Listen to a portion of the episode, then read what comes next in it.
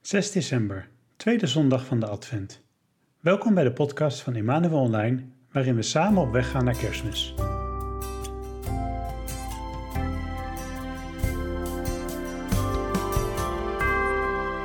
Vandaag ontmoeten we Mozes. Terwijl Mozes gewoon normaal aan het werk was, ontmoet hij God. We nodigen je uit om nu een kort moment stil te zijn, om zo te bedenken waar jij God persoonlijk hebt kunnen ontmoeten en Hem daarvoor te bedanken.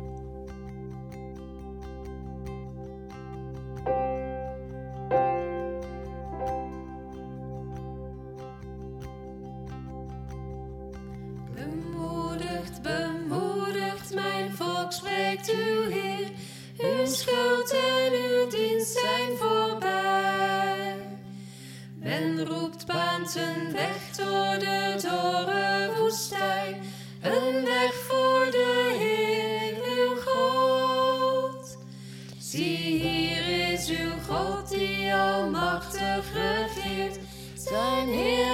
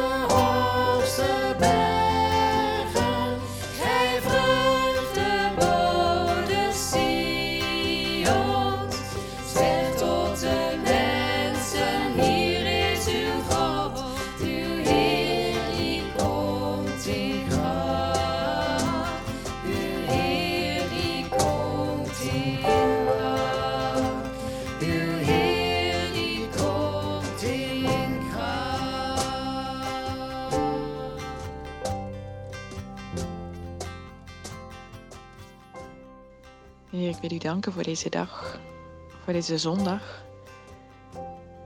Dat, we, dat u ons ook dagen geeft om uit te rusten en om te ontspannen na een drukke werkweek.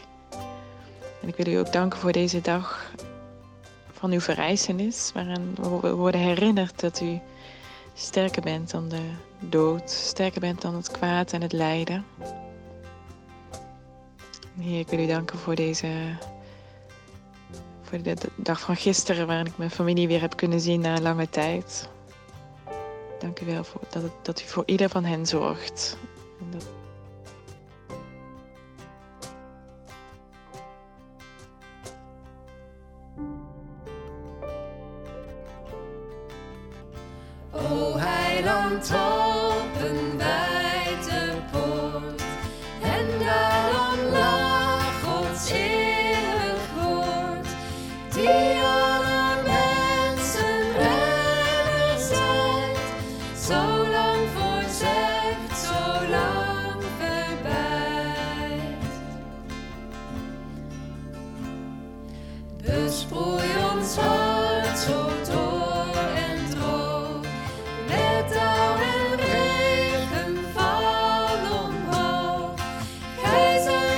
song.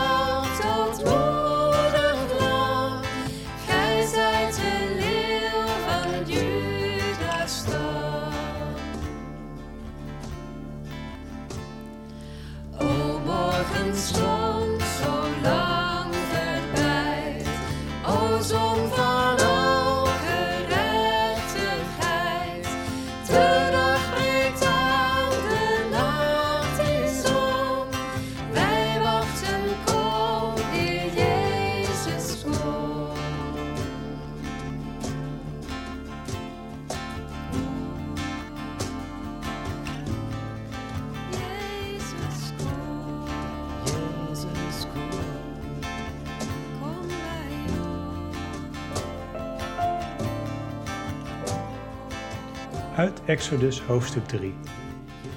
Mozes was gewoon de schapen en geiten van zijn schoonvader, Jethro, de Midjanitische priester, te wijden. Bij de Horeb, de berg van God, verscheen de engel van de Heer aan hem in een vuur dat uit een doornstruik opvlamde. Mozes zag dat de struik in brand stond en toch niet door het vuur werd verteerd. Hoe kan het dat die struik niet verbrandt? dacht hij. Ik ga dat wonderlijke verschijnsel eens van dichtbij bekijken. Maar toen de Heer zag dat Mozes dat ging doen, riep hij hem vanuit de struik: Mozes, Mozes. Ik luister, antwoordde Mozes. Kom niet dichterbij, waarschuwde de Heer, en trek je sandalen uit, want de grond waar je op staat is heilig. Ik ben de God van je vader, de God van Abraham, de God van Isaac en de God van Jacob. Ik had op de middelbare school een vriendin uit Turkije. Ze had hele lieve ouders die thuis Turks met haar praten. Haar hele leven werd ingericht en gevuld met de Turkse cultuur. In Nederland voelde ze zich Turks, maar in Turkije werd ze gezien als een Nederlander. Als we Mozes ontmoeten, worstelt hij ook met die vraag: Wie ben ik? Hij is een Hebreeër, geadopteerd door de dochter van de farao. En als hij ziet hoe oneerlijk de Hebreeërs worden behandeld, slaat hij een Egyptenaar dood, vlucht en gaat schapen hoeden in de woestijn. Hij voelt zich onbegrepen en alleen. Toen hij de doornstruik in brand zag staan, zonder dat het vuur het verbrandde, ging hij natuurlijk meteen kijken. En toen de Heer hem zag komen, riep hij hem. Hij riep hem bij naam. Hij kende Mozes. Hij weet wie hij is. Hij weet wie hij is. Maar Mozes weet nog niet wie hem roept.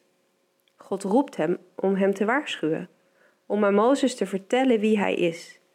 En dat doet hij dan door te vertellen dat hij de God van het verbond is.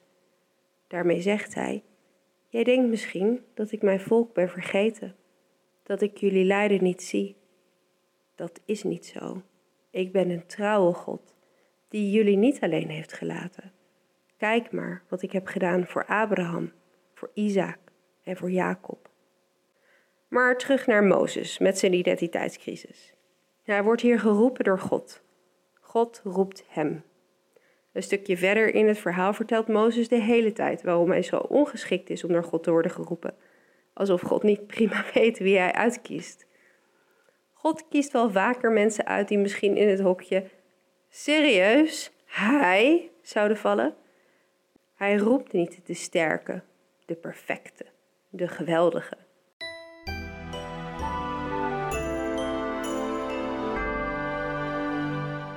Hallo, mijn naam is Gemma en ik woon in Den Haag.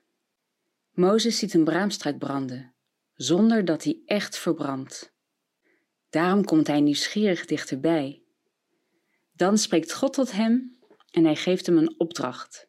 Nu heb ik nooit een braamstruik zien branden zonder dat hij verbrandt. En ik vroeg me af wat ik bij dit verhaal zou kunnen vertellen.